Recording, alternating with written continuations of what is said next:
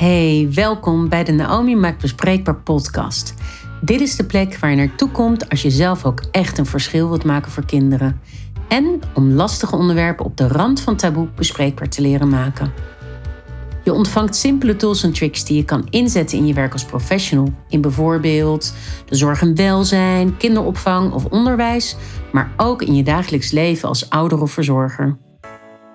Ik ben Naomi Dessauer en mijn missie is een wereld waarin alle kinderen gezond en veilig kunnen opgroeien. Waarin ze ook echt alle kansen krijgen zich te ontwikkelen, kinderen kind kunnen zijn, een stem hebben, zich geliefd maar ook gesteund voelen. En wil je misschien meer weten? Nou, neem dan gerust eens een kijkje als ouder op naomimaakbespreekbaar.nl en als professional op dessauertrainingen.nl. Voor nu wens ik je ontzettend veel luisterplezier.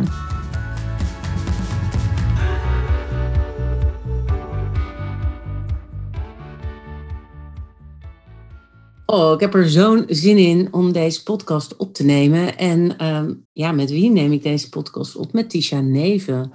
En Tisha, ja, het is grappig, we kennen elkaar eigenlijk al van heel lang geleden, maar ook weer niet echt. Uh, we, we, kennen elkaar van recentelijk beter.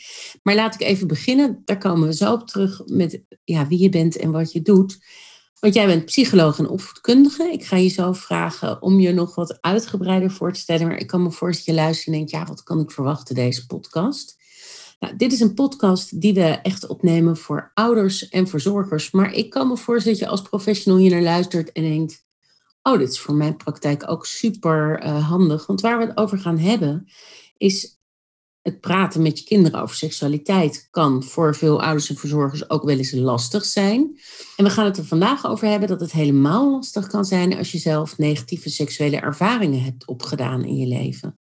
En dat kan je hebben opgedaan als kind of jongere, maar dat kan natuurlijk ook als jongvolwassene. Maar in ieder geval, ja, dat je merkt nou ja, dat die negatieve ervaringen die beïnvloeden ja, hoe ik kijk naar seksualiteit, hoe ik erover kan spreken en hoe ik mijn kinderen daarin begeleid.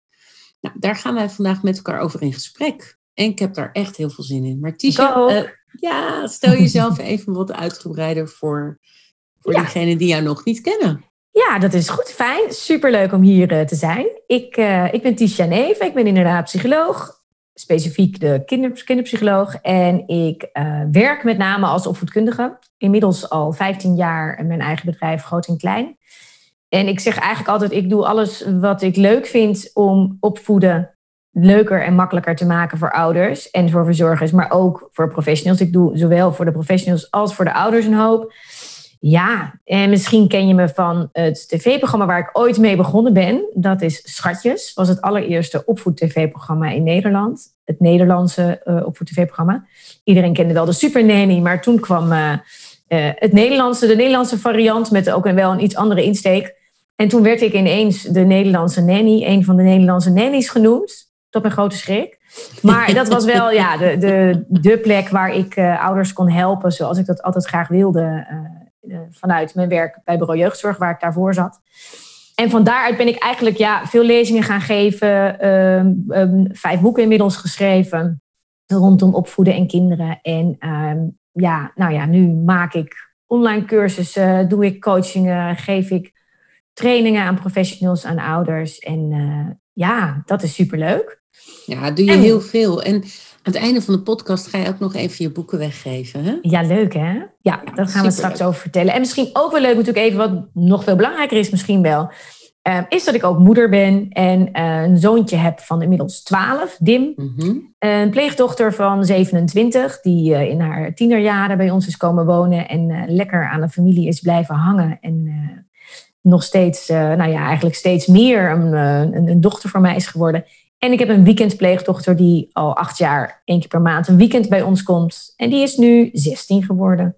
Dus, ja, uh, dus ook in het moederschap heb jij gewoon ruimschoots ervaring. En dat neem je ook heel erg mee hè, in je praktijk. En dat hebben we ook alweer gemeen. Want ja, zoals jij weet ben ik ook moeder van twee meiden van vijf en zeven. En ja, die, ook mijn moederschap gebruik ik heel veel als inspiratie ja, voor hoe kan je dat doen. En ook waar loop je tegenaan trouwens ja. uh, als moeder in dat praten met je kinderen over seksualiteit. En ik zei net al even van wij, wij onze wegen zijn elkaar zijn ja, elkaar vroeger al gekruist. Wij komen allemaal, allebei hebben wij een uh, stukje carrière gehad bij Bureau Jeugdzorg Haaglanden Zuid-Holland. Volgens mij ben je daar ook best een tijd trouwens werkzaam ja. geweest. Ja, hoe zeker. Lang, hoe lang zat jij daar? Uh... Ik heb daar, poeh, hoeveel jaar heb ik daar gezeten? Nou, echt een aantal jaren. En ik werkte daar inderdaad als gedragswetenschapper bij de jeugdreclassering. En uh, ja, superleuk. En eigenlijk vond ik het werk als het inhoudelijke werk wat ik daarvoor deed bij een andere jeugdzorg veel leuker.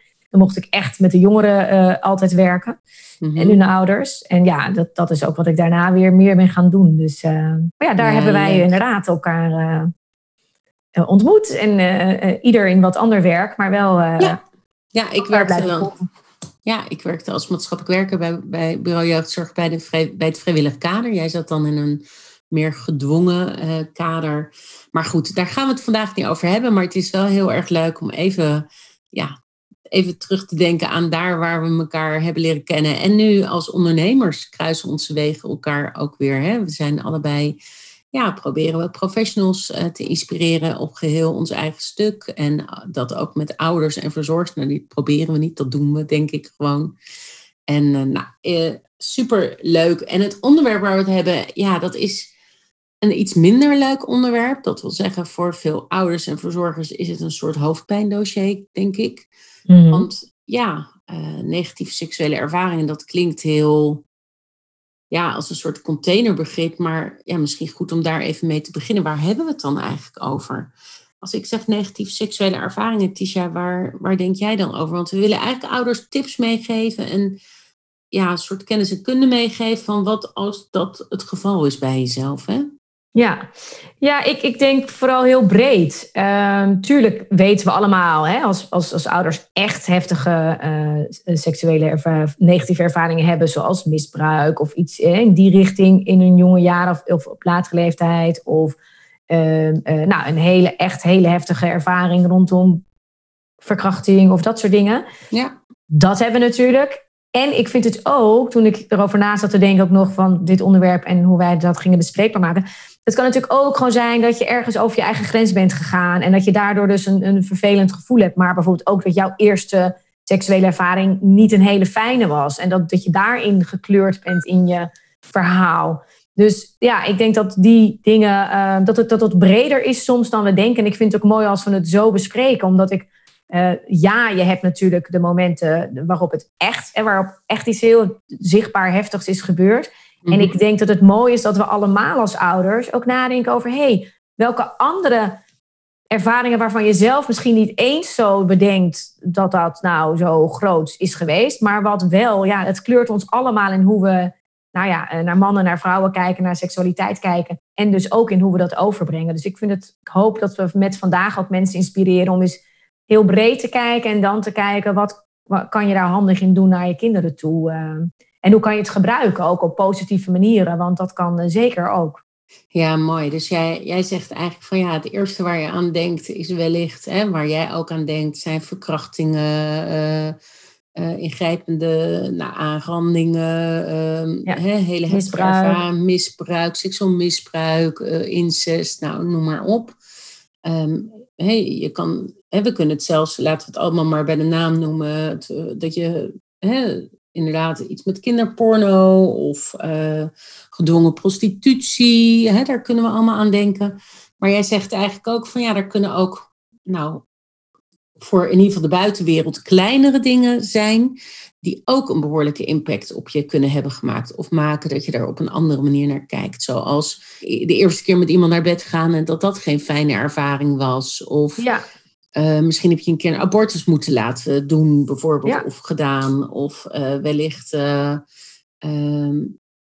nou, whatever eigenlijk. Ja, of, ook het stuk, ik, ik, ik denk daarin ook al, nou, we hebben natuurlijk die hele MeToo-beweging, waar natuurlijk, waardoor er natuurlijk heel ja. veel ook al is gekeken naar, hé, hey, wacht, wat vind ik eigenlijk van bepaalde dingen die gebeuren, die ik misschien voor gewoon heb aangezien toen ik student was, of toen ik jonger was, ja. of nog steeds nu.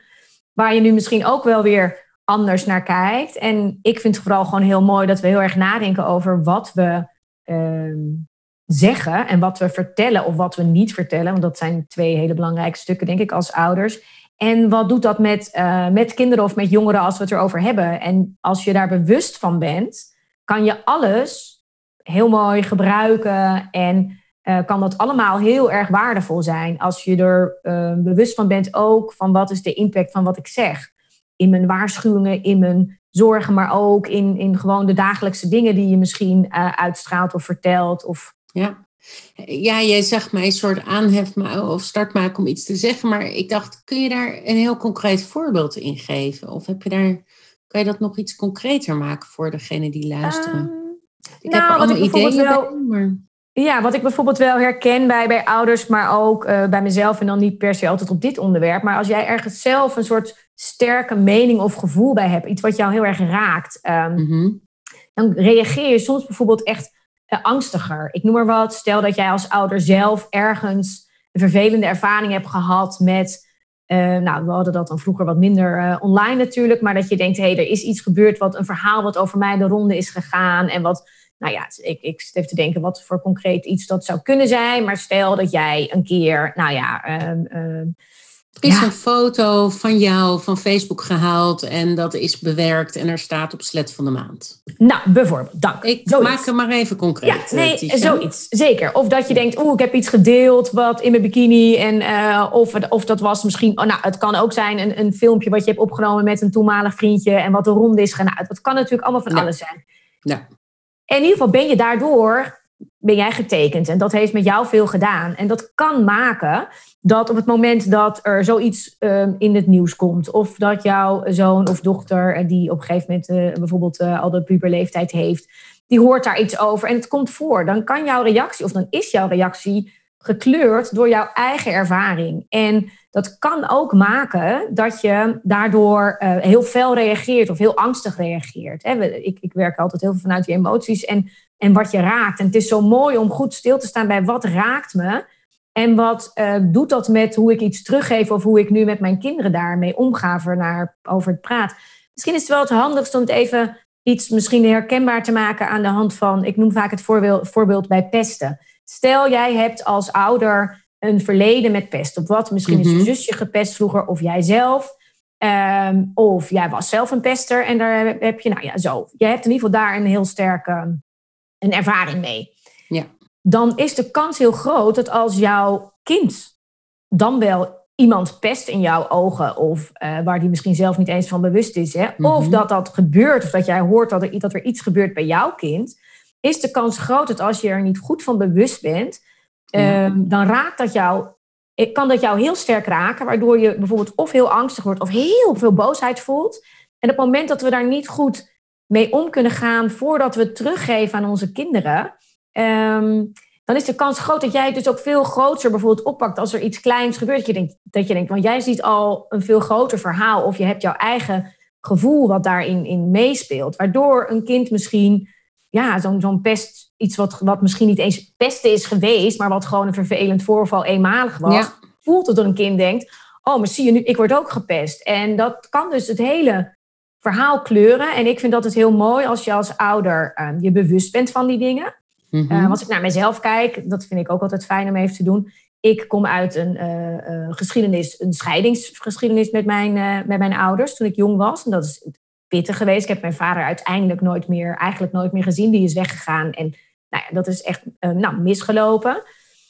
Dat betekent niet dat elke vader die weggaat um, en die misschien even moeilijk zit en hoe is het contact met mijn kinderen, dat ik moet denken, oh zie je al die vaders of nou, oh dat wordt vast net zoals bij mij. Ja, dus in feite, uh, Tisha, wat je zegt is van je kunt, ik noem het altijd getriggerd raken hè? in je eigen stuk als het ware.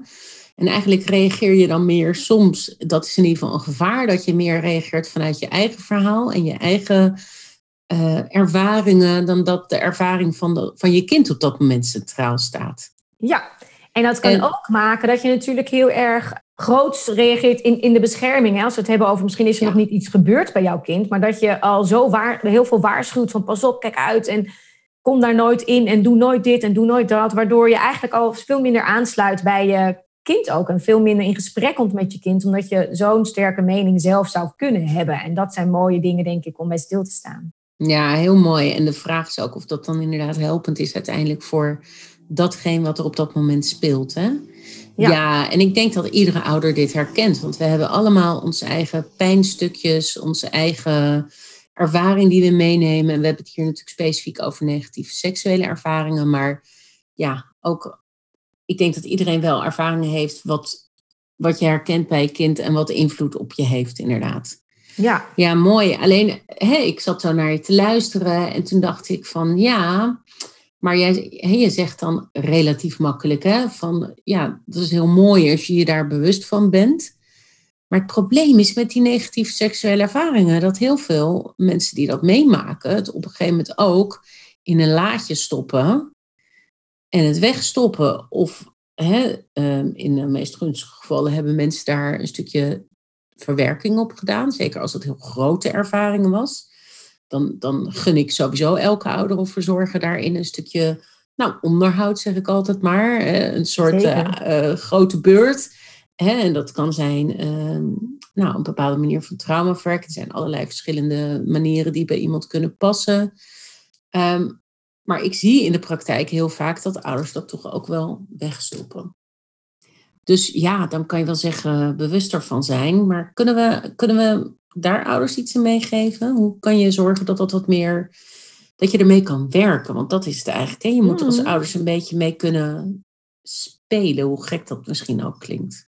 Ja, maar vind mooi gezegd, want ik denk dat dat het precies is. Dat je, um, ik denk, ja, je kunt zeker dingen wegstoppen. En soms uh, ja, zijn herinneringen natuurlijk ook helemaal niet levendig aanwezig, maar kunnen ze ergens wel naar voren komen. Um, zo, ja, en kinderen zijn af en toe zo'n soort open zenuw. Hè? Want van het moment dat die er zijn, uh, kunnen er ook ineens weer herinneringen naar voren komen die je heel mooi had weggestopt. Of waar je eigenlijk niet mee bezig was. En ineens komt dat ook dichterbij, omdat je ja, op zo'n moment ook echt betrokken bent en je eigen kind, uh, bij je eigen kind dingen ziet. Of, of je angst voor dingen hebt bij je kinderen. Mhm. En ik denk dat vanaf dat jij kinderen hebt, vind, gun ik het ouders en kinderen dat we dus als ergens iets aangeraakt wordt of als je merkt, hé, hey, er komt een flarden en ik stop hem het liefst weer weg, dat is ook oké. soms is het heel prima, want dat is, soms is het niet het moment voor jou, maar door je, en dat bedoel ik ook een beetje met het, het bewust te zijn, door te weten van, nou wacht, ik heb daar wel een stuk ervaring op. Het kan ook zijn dat je dan denkt, hé, hey, ik wil me dus bewust verdiepen in hoe, ehm, nou ja, door het luisteren naar een podcast als dit, door contact op te nemen met iemand die uh, met je mee kan denken van hé, hey, dit is dus iets wat ik heb meegemaakt of dit is iets wat ik moeilijk vind om te bespreken. Maar ik wil wel dat ik het oké doe met mijn kind. Ik wil niet mijn kind heel erg uh, een gekleurd beeld daardoor geven of uh, dat ik het niet aanga omdat ik er angst voor heb. Als je dat soort dingen bij jezelf merkt en misschien zit daar dan nog wel het grootste bewuste stukje dat je als je voelt van nou weet je, die seksuele ontwikkeling of al die ervaring, nou, ik, ik, ik stel het maar uit totdat het echt niet meer anders kan. Dat is natuurlijk wat veel ouders, als ik kijk naar de ouders die ik mhm. spreek, toch wel een beetje denken van, nou ja, weet je, ja, de seksuele opvoeding, eh, nou, laat het maar even voor wat het is. Ik weet niet zo goed wat ik ermee moet. Dus en, en niet zo heel bewust van, ben ik er nou al iets mee aan het doen? Het zit natuurlijk al in je hele gang van zaken, speelt het al. Maar dat je soms denkt, nou, ik schuif het maar vooruit, want dan is het er nog niet. Ja.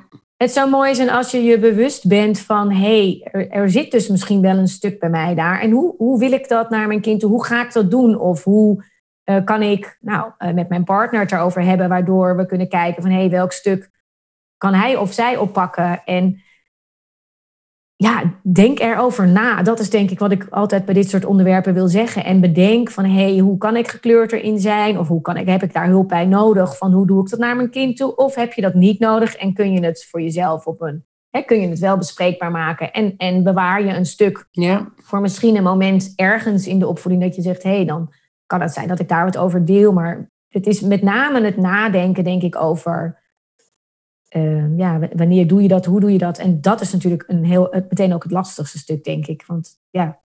Dat is, ja, dat is het ook voor veel ouders. En wat ik uh, altijd een, een mooie vind, is om uh, ja, in ieder geval ook je mee te geven voor diegenen die luisteren en denken, ja, dit gaat over mij, uh, of dit gaat mogelijk over mijn partner.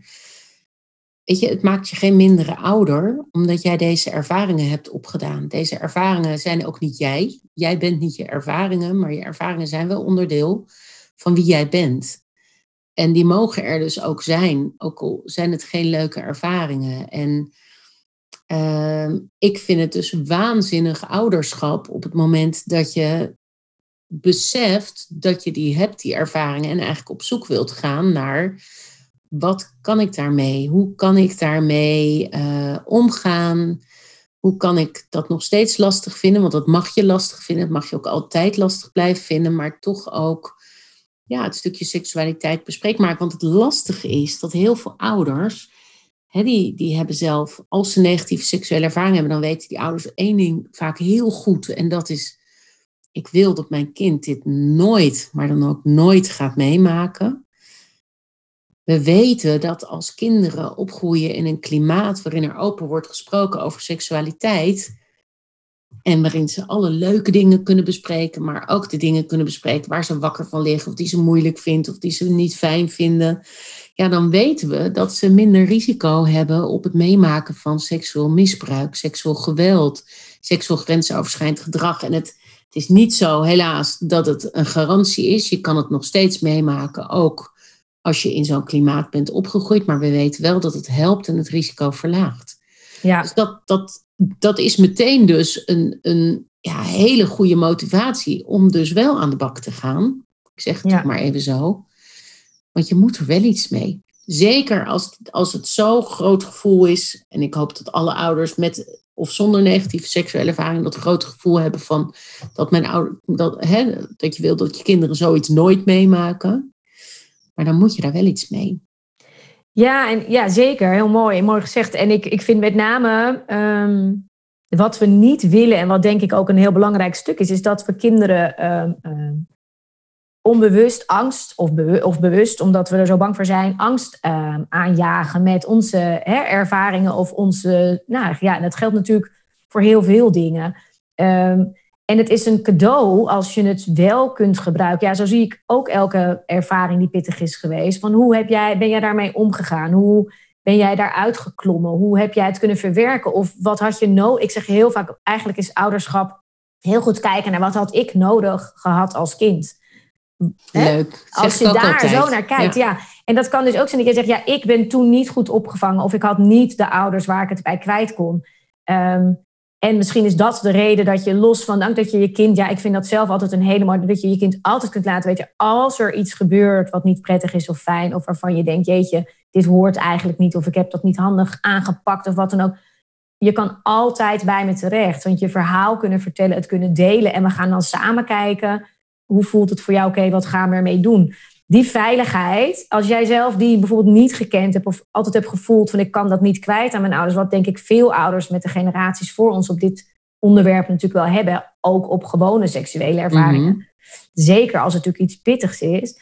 Als kinderen weten van hé, hey, en als je daarin kan gebruiken, en zonder dat je misschien op bepaalde leeftijden vertelt wat er gebeurd is, maar kan je ook wel al benoemen, weet je, ik heb zelf ook wel dingen meegemaakt die echt niet fijn waren. En ik had er heel graag met iemand over willen praten. Want dat had me, heeft me uiteindelijk echt geholpen. Dus ik wil diegene altijd voor jou zijn als ouder. En dat je je veilig voelt om dat te doen. En weet je, als dat de insteek wordt van hoe jij met je kinderen omgaat, denk ik al dat je, dat, dat je het sowieso al heel mooi gebruikt. Ja, prachtig. Oh, hier word ik zo blij van. Dat vind ik zo'n belangrijke les voor ouders. En, hè, ehm, en dan hoef je ook niet op dat moment natuurlijk alles te vertellen van die ervaring. Maar je kunt wel zeggen van ja, ik heb iets meegemaakt wat ik niet leuk vind. En wat ik toen in ieder geval waar ik last van heb gehad, is dat er inderdaad niemand was om mee te praten. Nou, weet dat je altijd wel met mij mag praten. Ja, ehm, ja dat, dat is super mooi. En ik zou er nog iets aan willen toevoegen zelfs. Dat je ook daarbij, wat mij betreft, zou mogen zeggen. Ik ben benieuwd hoe jij er naar kijkt. Maar ook zou mogen zeggen, ook al vind ik dat misschien best lastig als je naar me toe komt. Ja. Of moet ik als ouder misschien even slikken? Of ga ik wel huilen? Of moet ik er even een nachtje over nadenken hoe ik op je kan reageren? Maar dat hoort bij mij. Dat hoort niet bij jou. En dat betekent niet dat ik niet wil dat je naar me toe komt. Dus dat je ook kunt uitleggen aan een kind van ik vind dat best lastig, maar ik kan het wel handelen. Ja, maar ik vind het wel lastig. En als ik het niet kan handelen, dan gaan we zoeken naar iemand die het wel kan handelen. Ja. Of die ons een stapje daarin verder kan helpen. Want ik ben jouw moeder of ik ben jouw vader. Dus ja, ik, ik, ik vind dat die, dat vind ik echt een stukje kwetsbaarheid. Open zijn over je eigen kwetsbaarheid. Dat vind ik dus super krachtig als ouders dat kunnen. Enorm. Ja, en ik herken het ook, weet je, uit een ander stuk bij mezelf. Dat ik dan denk, als je dat kunt naar je kind toe en ook kunt gebruiken. Uh, ja, ik, weet je, ik deed het ook in, in de tijd dat ik veel jongeren begeleide, gebruikte ik mhm. ook heel vaak um, het zinnetje van uh, ik ken wel jongeren die hè, mhm. het soms heel moeilijk vonden om, maar toen ze toch zijn gaan praten, dat het heel fijn voor ze was. Of, en je kan het soms ook wat verder uh, van jezelf afhouden als dat nog is wat jij nodig, hè, wat jij nodig hebt als ouder of als ze nog jonger zijn. Dus dan bekijk je het eigenlijk samen vanaf een afstandje. Ja, en dat je dus het ook hebben over jezelf. Ja, hè, soms kan dat nog best wel moeilijk zijn. Of kan je denken, ja, ga ik dat nu al doen? Maar um, je kan ook een, een voorbeeld gebruiken wat minder uh, heftig voor jou is. Maar waarin je wel duidelijk maakt, hé, hey, toen ik toen ben gaan praten over iets...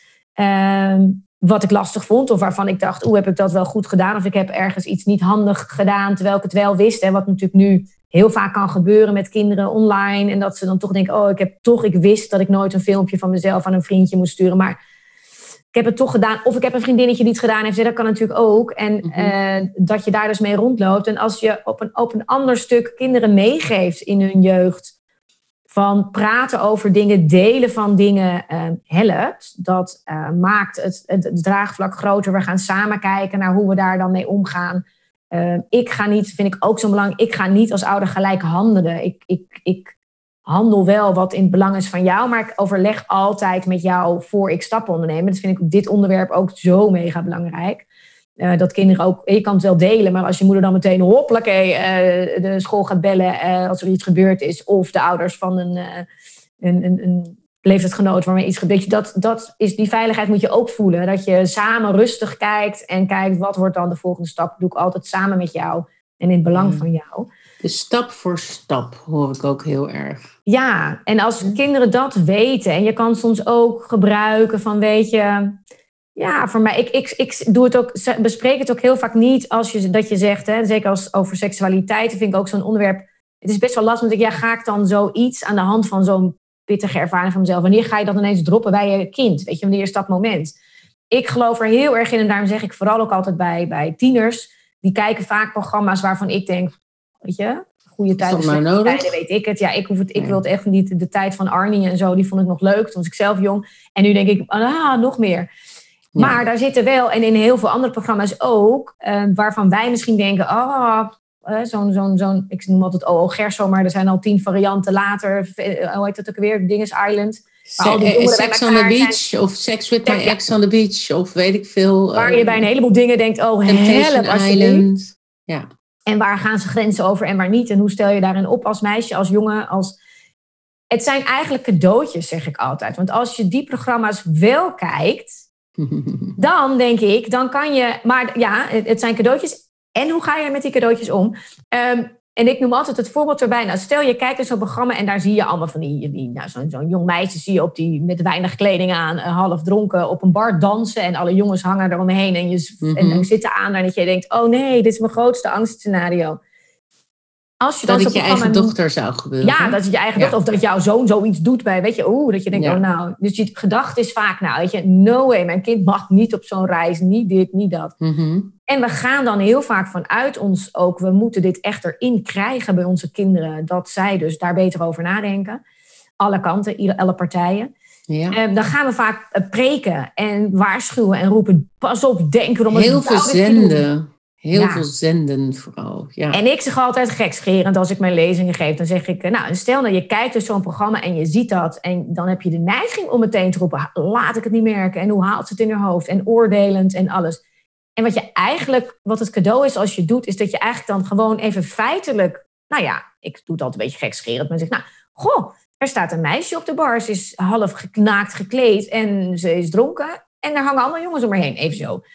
En dan ga je gewoon kijken hoe je dat gesprek aan kunt gaan. En dat is lastig, maar zo mooi als dat je lukt om even te wachten met jouw oordeel of jouw verhaal. Maar gewoon eens te zeggen, of van, hé, hey, hoe zie jij dat? Of, hé, hey, heb jij dit wel eens meegemaakt? Of her, hoe kijk jij daarnaar? Maar vaak als het gewoon even benoemt en niks zegt, dan zegt je dochter misschien wel, ja, hoe haalt het in haar hoofd echt? Zo ga je toch niet op zo'n bar staan? Dan zeg ik altijd, dan ben je af voor een heel klein stukje gerustgesteld, omdat je denkt, nou, ja. oké, okay, dat scheelt al een preekje. En vervolgens ga je het gesprek aangaan van, hey, hoe kom je in zo'n situatie? Hoe kom je er weer uit? Nou, dat kan over Wat als je je vriendin dat ziet doen, uh, dat soort dingen. Ja, hoe help je elkaar? Voor degenen die deze podcast vaker luisteren, die zullen dit ongetwijfeld herkennen wat jij hier zegt. Want ik noem het altijd haakjes. Dus je grijpt een haakje aan om zoiets bespreekbaar te maken. En wat jij eigenlijk doet is uber, ja, je laat zien hoe je uber nieuwsgierig, ik noem dat altijd uber nieuwsgierig zijn, hoe je uber nieuwsgierig kan zijn naar eigenlijk de beleefwereld van je kind. Inderdaad, zonder meteen zelf daar inderdaad van alles van te vinden en allerlei dingen over te zeggen. En natuurlijk mag je op een gegeven moment in het gesprek ook wel iets zeggen over hoe jij daar naar kijkt. dat mag, dat is ook welkom, maar je wil eerst weten hoe je kind er naar kijkt. En ja. Ehm, ja, hoe zou die daarop reageren? Al dat soort dingen. Dus ja, hartstikke mooi. En ik, ik wil ook nog even iets anders uh, vastpakken van die negatieve seksuele ervaring. Want wat mijn ervaring is, ik heb een dame, ik, ik begeleid ook ouders persoonlijk. Dat doe jij trouwens ook, hè? In enkele gevallen. Ik doe dat ook nog in enkele gevallen. En ehm, ik heb laatst een moeder begeleid die uh, zelf in gedwongen prostitutie had gezeten.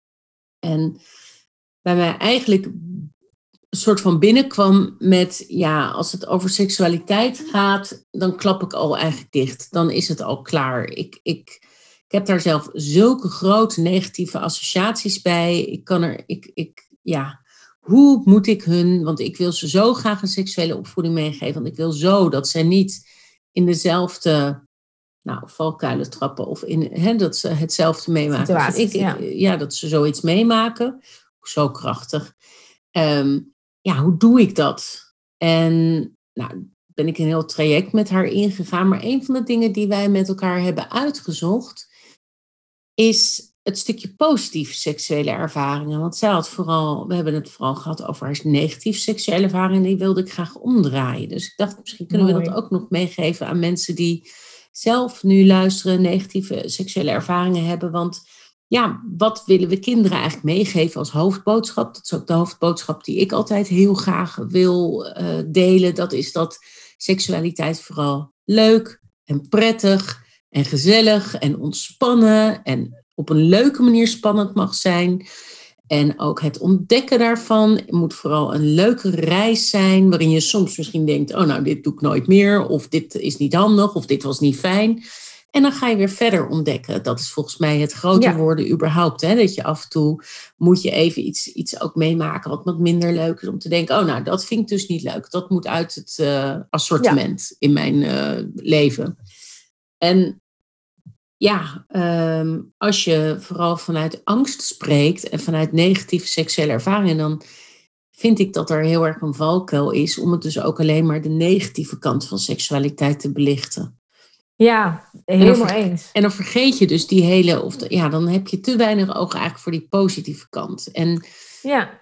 wat ik met haar heb gedaan, is dat ik haar heb uitgedaagd. Het was echt een uh, uitdaging voor haar echt een soort thuiswerkopdracht was dat. Van ga nou eens onderzoeken. Want voordat je in die negatieve seksuele ervaring belandde, wat een tijd lang was. Voordat je in die gedwongen prostitutie belandde, en misschien ook wel zelfs in die periode of nog daarna, heb je ongetwijfeld ook positieve ervaringen opgedaan. Dat kunnen hele grote positieve ervaringen zijn, relatief groot, van een vriendje wat wel ooit fijn was bijvoorbeeld. Maar dat kunnen ook relatief, maar die, die vind ik dan ook groot, maar voor jezelf misschien relatief kleinere positieve seksuele ervaring. Bijvoorbeeld seks met jezelf. Hè, dat vinden veel mensen spannend als je dat zegt, maar dat kan ook prettig zijn voor iemand. Hè? Of, ja. of bepaalde intieme relaties met iemand, of, of nou, wat dan ook. Of uh, een spannende chat die je ooit als jongere een keer hebt gehad in de tijd dat online nog niet zo veel was. Maar nou ja, dus en dat heeft haar heel veel uh, opgeleverd. Mooi, prachtig. Ja, wat vind je daarvan? Als nou, ik vind het ja, heel mooi. Het is als ik kijk naar uh, mijn hele aanpakken in, in de opvoeding, ook als ik met ouders onderzoek, is dat eigenlijk waar ik altijd naartoe terug ga. Hè, is altijd weer um, door zelf te gaan kijken van waar en dan, ik vind het mooi om het dan kleiner te maken. Als we inderdaad zeggen van, nou ja, waar ging dat wel goed? Dan, is dat, ja, dan kan je dat soms niet eens bedenken. Maar als je zegt, hé, hey, waar ging het wel ietsje beter? Waar heb je wel een stukje fijner in gevoeld? Of waar, wat was een kleine, inderdaad, positieve ervaring? En om dan ook te laten zien, dat zijn dus eigenlijk hele mooie dingen. Want daarop kun jij ook met een kind weer praten. En kun je dat ook meegeven. En kan je dus ook heel mooi aangeven van, hé, hey,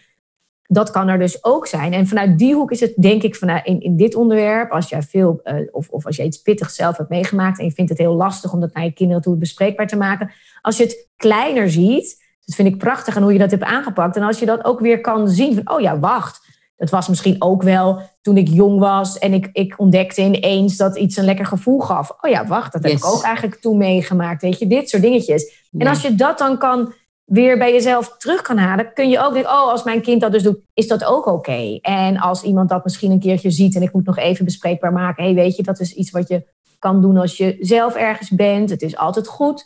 Terwijl je misschien in eerste instantie anders denkt, oh, no, nooit doen, weet je, pas op, vanuit je angst zou reageren als jij een kind ziet wat dat doet bij zichzelf, hè, als jong. Dat is heel normaal, dat is heel gezond. Maar dat kan je misschien op dat moment niet zien. En door daar weer een beetje bij te komen bij jezelf als kind bijvoorbeeld, maar dat vraagt dat je even ook ja, daar bewust bij stil gaat staan. En ik geloof er altijd heel erg in dat je vanuit uh, daar waar je bijvoorbeeld ook ontdekt: hé, hey, wacht, daar heb ik wel al een keer uh, met mijn kind het hier over gehad. Of daar heb ik mhm. eigenlijk al wel een stukje van die seksuele opvoeding gedaan. Want toen hadden we het over, of het ging over hoe, hoe hè, bewegen we ons in huis. en, en, en dat als ouders ook gaan zien van hé, hey, wacht, daar, heb ik ook al eigenlijk al best wel dingen in gedaan. Ook al voelt het alsof ik het helemaal niet aanga, dat onderwerp. Dat vind ik ook mooi. Dus naast zeg maar je eigen ervaringen, waardoor je ook er anders naar leert kijken. Mhm. Vind ik het ook mooi als je als ouders die het moeilijk vinden, als je voor jezelf eens gaat kijken, hé, hey, waar die seksuele opvoeding is zo breed, hè, jongens. Het is niet alleen maar het bespreekbaar maken van uh, seks hebben of uh, nee, nee, nee. oppassen voor. Het is natuurlijk veel breder. En Respect daarin doe je dus voor elkaar, grenzen, ja. Eh, hoe je over elkaar spreekt, hoe je relaties aangaat, alles. Ja.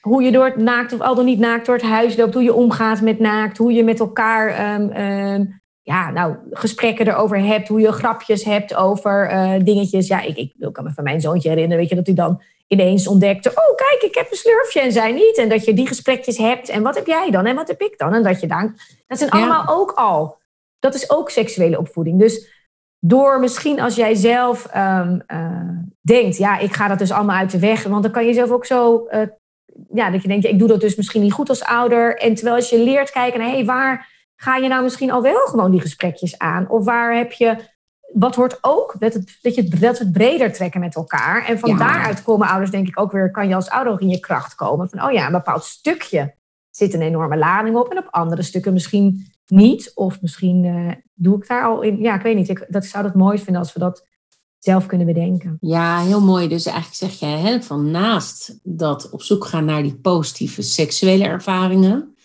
is het ook prachtig als je ook nog eens een onderzoek zou kunnen doen voor, naar jezelf van wat doe ik eigenlijk al wel goed in die seksuele opvoeding? Wat doe ik wel al? Hè? Dan kan ik me voorstellen, ja, als het gaat om opvoeding in, in brede zin, een pedagogische opvoeding, dat je ook kijkt van ja, wanneer als je denkt, goh, als ouder doe ik, ik, ik, ik, ik faal als opvoeder, bewijzen van, hè, uh, daar geloof ik niet tegen, maar het kan dat je als ouder dat gevoel hebt, of dat je dat gevoel hebt gekregen uh, door wat dan ook, of welke omstandigheden dan ook dat, dan kan ik me ook voorstellen dat het ontzettend empowerment is. Dus heel erg fijn is voor je zelfvertrouwen.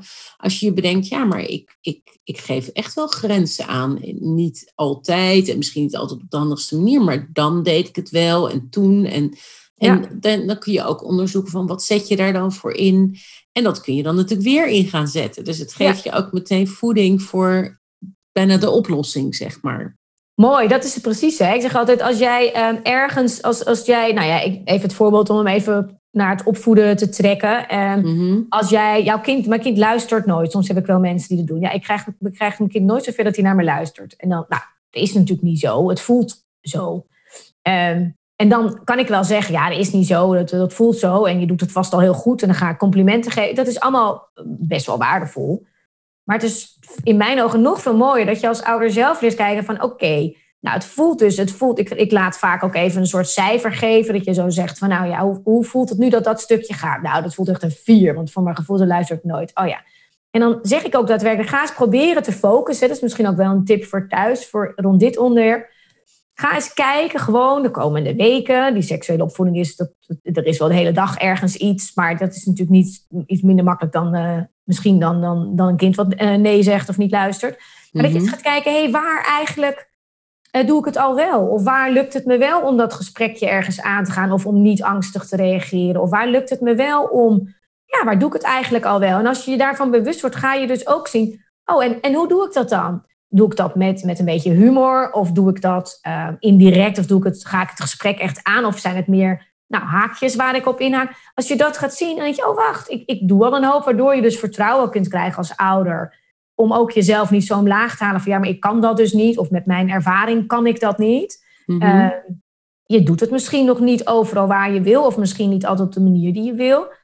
En waarschijnlijk doe je het op andere stukjes ook al wel. En daardoor kom je ook in je kracht. En het is soms heel fijn als anderen je daarbij helpen. En dat is ook wat jij natuurlijk dan met ouders kan doen, wat ik heel mooi vind. Want soms kom je er even als ouder niet bij. Maar als het je nee. lukt om dat te doen, kun je daar zelf ook wel, ja, nou ja, net als ik vaak zeg. En dan zeg ik vaak, als, als we dus even dat voorbeeld van niet luisteren, dan denk ik, nou, stel dat je kind dan in één keer luistert. Probeer dan eens te bedenken wat je deed. Wat zei je? Ehm, nou, en dan kom je er in dit geval bijvoorbeeld achter. Je zegt, ook oh, was even heel duidelijk. Of ik uh, gaf een keuze. Of ik gaf geen, stelde geen vraag, maar ik gaf een opdracht. En dan kom je er dus achter wat ook werkt voor jou als ouder en voor jouw kind. En dat is in dit verhaal natuurlijk ook zo.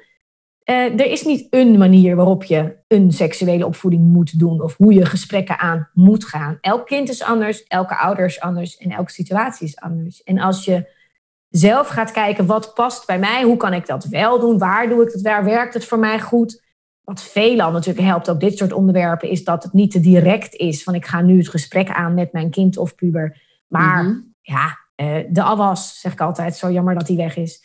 Um, in de auto, uh, s'avonds als je lekker naast een kind ligt op bed en uh, je kijkt een beetje voor je uit. Ja, dat zijn vaak de momenten waarop dit soort gesprekjes en onderwerpen iets makkelijker worden. En kijk welke momenten voor jou en jouw kind goed werken. Tijdens het ja. spelen vind ik ook een mooi als je bezig bent ja, lekker bezig zijn. Maar naast de afwas zijn er nog genoeg momenten waarop je als ouders, hè, al sta je eh, je haar, de haren van. Ik sta bijna elke dag de haren van mijn twee dochters te kammen. Ja. ja wat er dan allemaal wordt besproken. Hè, uh, dat, ja, dat is heel erg veel. En straks weer op de camping. Ik kijk echt weer uit nu. Wij gaan drie weken kamperen. En denk ik, oh, dan heb ik daar, moet ik weer afwassen. Maar ook tijdens dat je gewoon dan lekker bezig bent en aan het kletsen bent. Ja, het is, het is mooi om nou, misschien ook wel als ik naar dit onderwerp kijk, weet je, kan ik me ook voorstellen dat het een fijne tip is voor ouders. Ehm, als jij lekker in je vel zit en je, zit, je voelt je in je kracht of je voelt dat je het kan, aan kan, zeg maar. Eh, om er even, eh, om over bepaalde dingen te praten. Dan bedoel ik niet per se je negatieve ervaring, hè, maar meer seksuele opvoeding aan zich. Of het bespreekbaar maken met je kind over dit soort onderwerpen. Mhm. Dat werkt het beste als jij voelt van ik zit zelf goed in mijn vel of redelijk goed in mijn vel. Ik zit eh, even in mijn kracht. Ik voel me in deze setting fijn. Dan kan je ook die gesprekken makkelijker aangaan dan wanneer je bijvoorbeeld heel emotioneel bent. En dan ja, en dan moet ik nu ook nog en met mijn kind praten over iets wat ik al heel moeilijk vind. En dan wordt de lading misschien groter. Dus daar kun je natuurlijk ook keuzes in maken. Snap je wat ik bedoel? Zeg ik het duidelijk? Ja, volgens mij eh, zeg je het wel duidelijk. Maar ik wil daar ook wel op reageren. Dat ik, dat ik ouders ook wel mee wil geven. Van ja, als je het idee hebt dat daar dus een blokkade zit. Dat het dus niet lukt om dat gesprek aan te gaan. Ja, dan ben ik eventjes hard, maar dan zeg ik wel, lieve ouder, ik wil je echt uitdagen om, om te gaan, ja, dat, dat met jezelf aan te gaan. Dan is er eigenlijk gewoon werk aan de winkel. Ja. Want ik gun jou, en ik weet ook dat het makkelijker kan worden, maar ja, dat is wel even hard werken. En dat kan je soms ook niet alleen. Nee, dus die, die, wil ik, ja, die wil ik dan toch ook noemen, want we geven natuurlijk allemaal uh, hele concrete tips.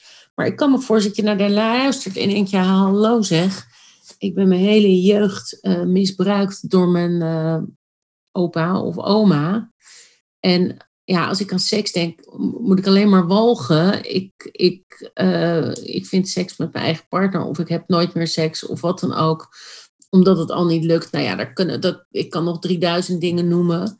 Ja, je hebt wel een kind uh, of, of meerdere kinderen. Ja, dan, dan wil ik je eigenlijk gewoon uitdagen om dat aan te gaan met jezelf. En, ja. en dan ook eens een kijkje op naomimaakbespreekbaar.nl om te kijken of daar iets is wat je kan helpen.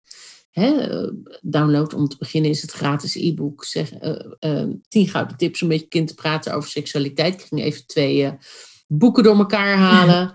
Ehm, en kijk eens of je inderdaad een stuk individuele coaching kan doen. En dat mag bij mij, maar dat mag ook ergens anders. Hè? Dus dat hoeft helemaal niet bij mij. Er zijn ook andere er zijn ook organisaties die je daarbij kunnen helpen, uh, maatschappelijk werkers, soms een schoolmaatschappelijk werker. Maar ga dat voor jezelf wel aan. Ja, nou ja, ja helemaal eens hoor. Ik, ik doe veel in emoties. Ik heb een online cursus Helpen Komplof en dat is hetzelfde. Ik kan een hele cursus maken en heel veel tips geven over hoe dingen je kunnen raken en wat het kan doen. En dat kan je allemaal onderzoeken. En dan nog kan het zijn, ik zeg, ja, ik blijf toch ontploffen, want het lukt me gewoon niet. Nou, dan kan het dus zijn dat, er, dat je een stuk te doen hebt met waar wat de, daarachter zit. Gedrag is nooit zomaar. En dan heb je, wil je daar iets mee. En, en dat is denk ik, ja, als je dat op gaat zoeken, dan wil je het ook wel. Het is alleen ook best wel spannend natuurlijk. Uh, en in jouw geval, ik, daarom vind ik het zo mooi wat jij doet. Dat vind ik echt prachtig. Omdat je ook um, als ouder echt de handvatten nodig hebt. Ja, maar wat hoort er dan bij en waar, waar kan ik het wel en waar kan ik het niet? En wat, waar ik het niet kan, is een stuk waar kun je aan de slag met jezelf. En er is een stuk waar kan ik dat misschien op een andere manier met mijn kind. Hè? Kan mijn kind op een andere manier aan dat stukje komen? Hè? Je hebt misschien een partner, je hebt misschien ja. een goede vriendin die, waarvan je zegt... hey, zou jij af en toe eens willen kijken of je op een bepaald onderwerp iemand die goed klikt met je kind. Er zijn veel mogelijkheden, maar op het moment dat jij, daar is hier eigenlijk waar we mee begonnen, als je je bewust bent van waar zitten mijn blinde vlekken of mijn, mijn, mijn angststukken of de stukken waarop ik het gewoon niet kan.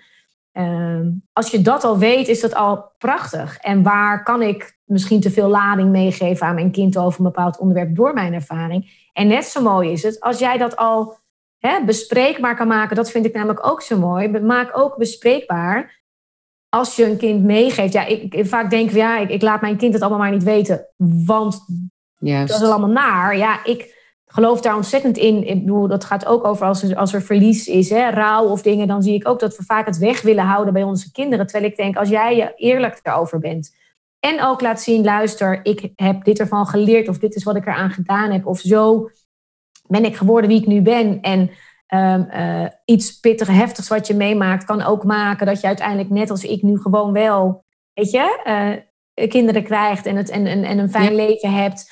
En misschien is je leven niet zo fijn. En dan is het dus echt zaak om daar hulp bij te krijgen. Als je dat gevoel echt niet hebt. Maar er zijn natuurlijk ook heel veel mensen die daar wel op zich hè, het een plek hebben kunnen geven. Of het geparkeerd hebben ergens. En daar ook weer kracht uit hebben gehaald. Ja, weet je, kijk daarnaar. En zie ook naar kinderen toe hoe mooi het is dat kinderen ook zien, hey, wij, de, waar veer, veerkracht zit bij mensen die moeilijke dingen meemaken en, en, en doorstaan.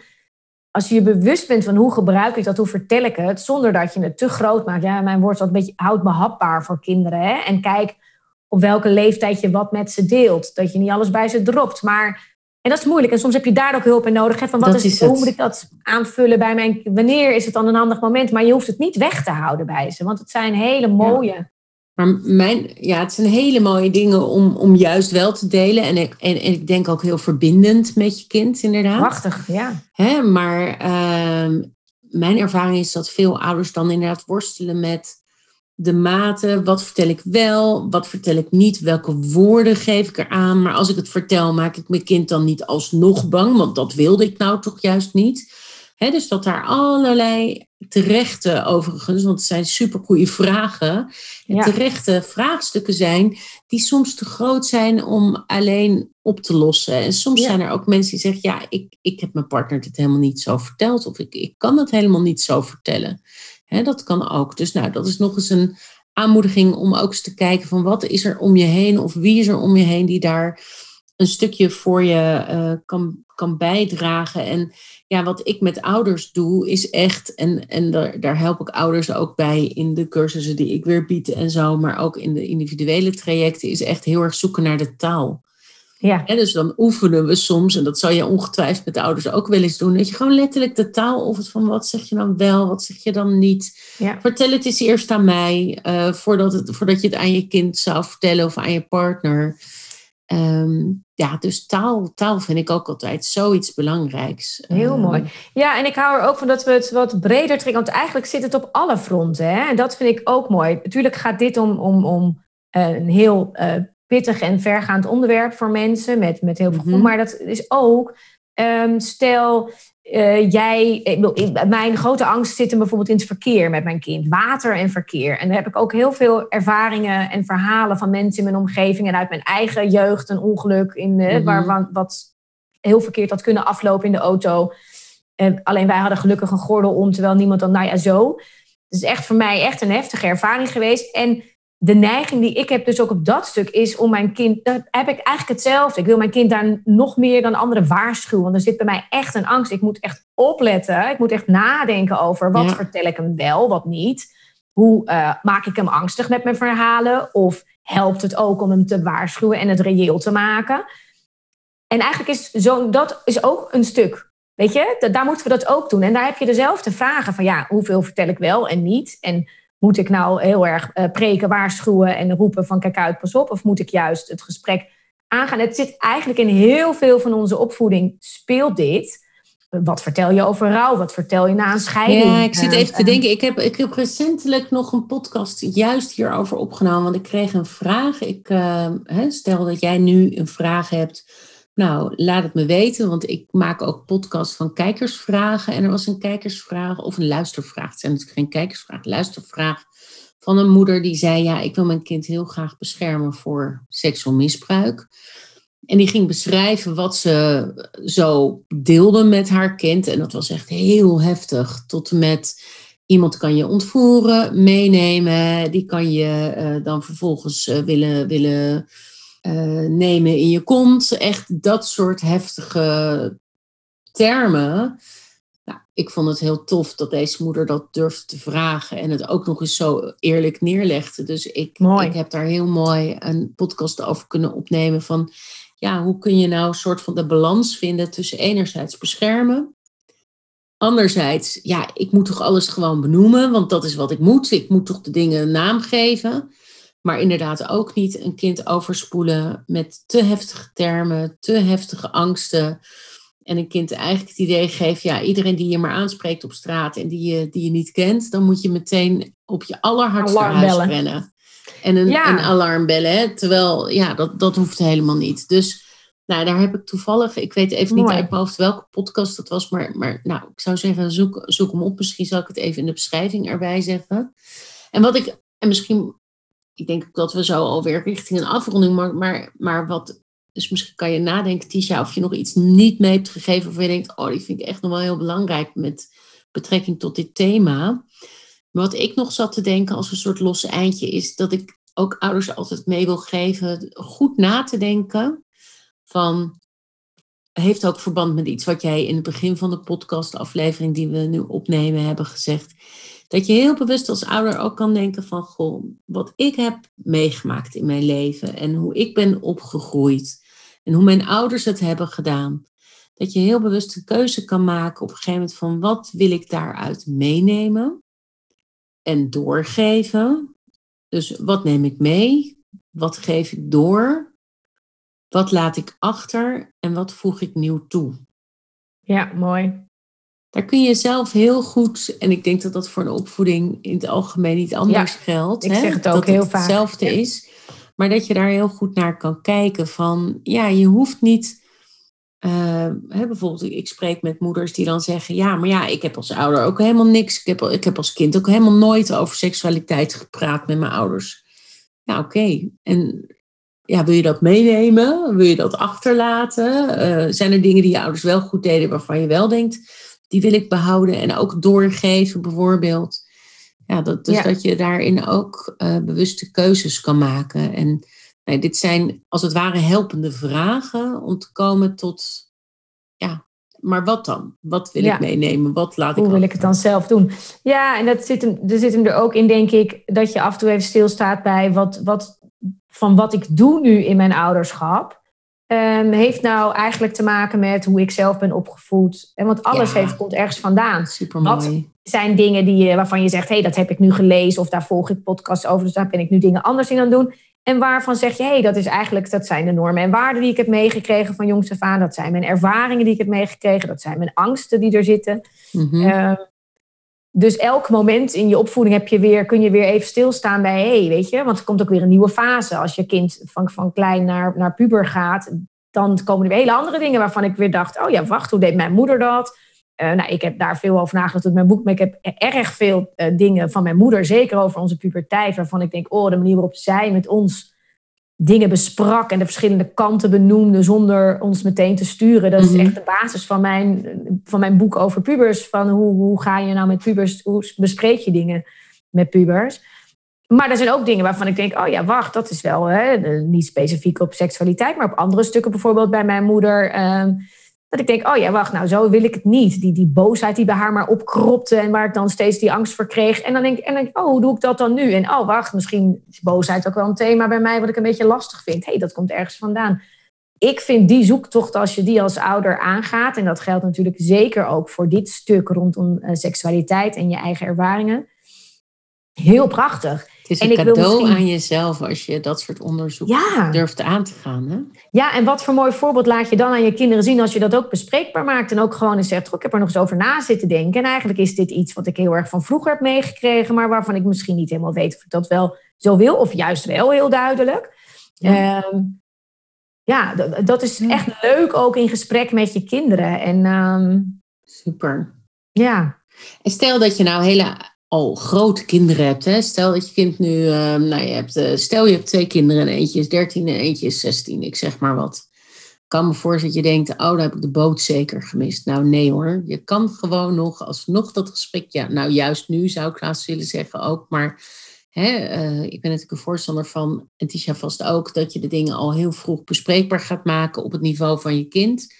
Maar het is gelukkig niet zo dat je te laat bent. Zelfs stel dat je. Ik, heb, ik, ik, heb wel eens oma's of opa's die uh, bijvoorbeeld naar een webinar van me komen. En dan uh, ook soms als professional daarnaar luisteren. Maar dan ook nog opa of oma zijn. En dan zeggen van nou ja, ik ga gewoon morgen eens even mijn dochter bellen. En is zeggen van goh, hoe was dat eigenlijk voor jou? Of uh, mooi. heb je nog behoefte om het erover te hebben? Ja, hoe mooi is dat? Hè? Dat het alsnog gewoon ja. kan. Dus Prachtig. Je bent nooit te oud. Helemaal eens. Nee, zeker. dat is heel mooi. Uh, hè, dus, dus als het ware te helikopteren en naar jezelf te kijken. Ja, ik vind dat echt uh, grote cadeaus. Als ik, als ik zelf ga reflecteren en mezelf gunnen om iets te onderzoeken, dan vind ik dat altijd een van de grootste cadeaus aan mezelf. Ook al vind ik dat ongelooflijk ingewikkeld soms. Ja. Dus op het moment zelf voelt het niet altijd als cadeau. Nee, nee, dat is vaak met dingen. Nou, het is wel mooi, want ik naarmate, naar, naarmate wij nu deze podcast tot die vordert, zit ik zelf te denken, dat is misschien wel, nou ja, voor mezelf een tip naar aanleiding van vandaag. Uh, en dan misschien ook wel een die ik dan wil meegeven aan ouders. Nog afrondend vanuit mij, is um, uh, ik heb hè, voor mezelf eigenlijk, nou gelukkig, uh, voor mijn gevoel zelfs, weinig negatieve ervaringen op seksueel gebied meegemaakt. Mhm. Eh, nou, dat is natuurlijk heel fijn als je dat uh, kunt zeggen. En tegelijkertijd denk ik, wacht, het is ook heel belangrijk en mooi dat ik gewoon eens ga nadenken, wat zijn wel dingen geweest? Want ik, heb, ik weet wel nog, nou ja, ik, ik noem dat dus niet een negatieve ervaring. Terwijl ik dan denk, ja, nou, die keer, mijn allereerste keer dat ik met een jongen seks had, was ja, zie, dan ga ik te benaderen. Nou, dat was eigenlijk een hele vervelende ervaring. In die zin dat hij, uh, uh, nou ja, het zat er aan te komen. En mijn moeder was daar altijd open over. Dan mocht ik ook aan de pil. Nou, ik ging aan die pil. En dat was een soort verrassing van mij. Hij kwam dat weekend en bij ons thuis. En, nou, mhm. en ik, had dat, ik kon dat, kon dat hele fijn, over fijne dingen. Ik kon dat met mijn moeder dan ook delen. En nou, zo prima. En maar toen, wat ik nog nauwelijks, ik had nog niet kunnen vertellen dat, hij, dat ik die uh, pil had en dat dat een beetje de verrassing was van nou, het kan dit weekend voor de eerste mhm. keer. En toen maakte hij het uit. Ah. En in mijn uh, ja, verdriet en moeder riep ik dus, oh nou, en ik was net, en toen was het ook ineens weer aan. Mm, ja. En achteraf heeft dat, dat ik echt achteraf ook dacht, wacht, was dat nou omdat hij ook dacht, was ook zijn eerste keer. Dus achteraf was dat in één keer een, een ervaring En ik weet nog steeds niet hoe ik dat moet plaatsen. Maar ik vind dit soort dingetjes. En toch is als wij als elke ouder er ook bij stilstaan. Hé, hey, waar zijn misschien toch momenten geweest die ik als jongere graag anders had, had, had willen weten uh, hoe ik het had gedaan. Of waar ik me uh, niet echt helemaal uh, veilig in voelde. Of waar ik me niet heel mm-hmm. prettig bij voelde. Want dat zijn ook die kleinere stukjes, maar dan toch benoemen en met je kind op momenten bespreekbaar kunnen maken als je het hebt over je eerste keer en over hoe waardevol die is. Um, ja, dus mijn, de uitnodiging naar mezelf en misschien naar anderen is ook wel om stil te staan bij zowel die fijne momenten, want dat is mooi om te bespreken, als ook de andere momentjes. En dan te kijken welke kan ik gebruiken in de gesprekken die mijn, ik met mijn zoon en mijn pleegdochters ook nu uh, heb. Ja, ik vind het heel mooi. En, en, uh, en ook voor mij een eye-opener hoor. Ik denk ook, oh ja, die ene ervaring toen en dat en dat. Ik heb toch ook, ik, uh, ik heb voor, geen misbruik meegemaakt, gelukkig. Maar ik heb wel negatieve seksuele ervaringen die mij niet getekend hebben in dat opzicht dat ik het traumatisch noem maar wel die me getekend hebben. En die wel onderdeel zijn van mijn geschiedenis, van mijn opgroeiverhaal, van mijn ja. jongvolwassenheid. Het zit niet allemaal voor mijn achttiende, het zit ook daarna. Maar dat, dat is wel uh, ook ja, mijn, mijn seksuele geschiedenis, noem ik het maar eventjes. Daar zit dat wel ook in. Ja, ja, ja en het is misschien wel heel mooi als we nou ja, als we gewoon, weet je, mijmerend, uh, lummelend uh, uh, deze zomer in de vakantie ergens in een hangmatje of op een handdoekje of wat dan ook, wandelend. Nou ja, om gewoon eens daar ook naar te kijken van, hé, hey, hoe is dat eigenlijk? En wat voor boodschap geef ik daarover? En wat voor boodschap geef ik sowieso? Is die vanuit angst of is die vanuit vertrouwen? Is die positief of heeft die een soort een, een negatieve insteek? Eh, hoe, doen we, hoe, dat, hoe doe ik dat nu met mijn kinderen rondom deze onderwerpen? En waar zou ik me dat, dat kunnen gebruiken? En het kan soms ook een ervaring zijn van iemand die je kent. Hè? Ik bedoel, uh, uh, iemand anders in de familie of een van je vrienden of wat dan ook. Zonder dat je precies de naam hoeft te noemen. Maar waarbij je natuurlijk ook ja, verschillende dingen kunt, hè, bespreekbaar kunt maken. Ik noem maar wat. Ik heb wel vriendinnetjes gehad waarbij de eerste seksuele ervaring echt heel naar was. Omdat er gewoon totaal niet over en mhm. weer eigenlijk afstemming was. En ja, dat is ook iets wat je kunt bespreken. Uh. Eh. dus Tisha, eigenlijk is, uh, want ik sluit me hier helemaal bij aan, maar volgens mij, want ik dacht, ik wil zo, en we gaan nog even over jouw boek hebben hoor, maar ter afsluiting van het onderwerp, um, dacht ik, wat geven wij nou als belangrijkste ja, uh, take-home boodschap, zeg maar, mee van we hebben namelijk heel veel gezegd. We zijn allebei lekker uitgebreid en we raken niet uitgesproken over onderwerpen. Dus ik kan me voorstellen dat je het ook een beetje, als je hier naar hebt geluisterd, dat het je ook een beetje duizelt en denkt, ja, maar wat is nou het belangrijkste wat ik hieruit mee kan nemen? En volgens mij is de belangrijkste boodschap, en, en vertel het me als jij denkt, nou, is volgens mij iets anders, maar volgens mij is de belangrijkste boodschap, geef jezelf de ruimte om te onderzoeken van wat jij nodig hebt om het toch bespreekbaar te maken. En ook te zoeken naar wat jou past en ook wat past bij je kind. In het, ja, wat bespreek je wel, wat bespreek je niet, welke woorden gebruik je daarvoor. Dus eigenlijk ja, ja dat, mooi. Dat, dat onderzoeken bij jezelf, daarop na, daarover na te denken. En dat vervolgens ook om te kunnen zetten naar actie. Maar eerst stap 1 is inderdaad, gaat, gaat het onderzoek eens aan. Ja, heel mooi. Ja, ik denk dat dat het is. En, uh, en ik, heel eerlijk vind ik het zelf ook weer een mooie. Uh, om zelf weer eens even echt bij stil te staan. En ook eens te welke boodschappen wil ik mijn kind graag geven? Welke dingen wil ik mijn kind uh, nou, bewust van maken? En um, ja, mooi.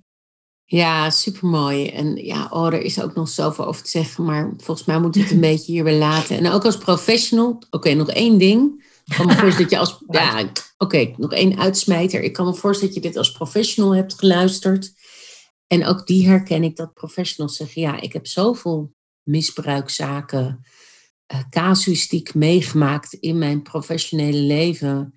Dat je ook van daaruit soms een kind, je eigen kind, angstig kan maken. Of alleen maar kan, weet hoe het uit de hand kan lopen of hoe iets misgaat. Omdat dat vooral de ervaringen zijn die in jouw carrière met je gedeeld zijn. Dus daar geldt eigenlijk, het is misschien dan niet je eigen, ook, ook jij hebt ongetwijfeld negatieve ervaringen hè, die je meeneemt. Dus alles is voor iedereen, denk ik, uh, Ja. van toepassing. Hè? eh, maar ook daarnaast, nou, ook als professionals, ook goed om dat stuk te bekijken. En nou, misschien moeten we daar nog eens een andere podcast over opnemen. Ja, want ik denk nu ineens ook, oh, ik weet uit mijn tijd bij Bureau Jeugd dat die, die loverboy-achtige dingen, dat daar Juist. bij mij zo, oeh, en dat, ik, dat je daar ook Ja. alert op bent als je bij bepaalde jongens ziet, terwijl je denkt, Nou. er is lang niet altijd meteen een loverboy-verhaal, maar dan Tisha? kan je ook zo, pas op, we- kijk uiterig van worden. Gaan we hier nog een podcast over opnemen? Zullen we We dat doen? kunnen graag gewoon nog een keer iets doen. Dat doen we gewoon nog een keer. Voor professionals speciaal, van hoe ga je ermee om met nou, alles wat je hebt gezien, hoe je dat beïnvloedt. Ik bedoel, stel je bent zedenregisseur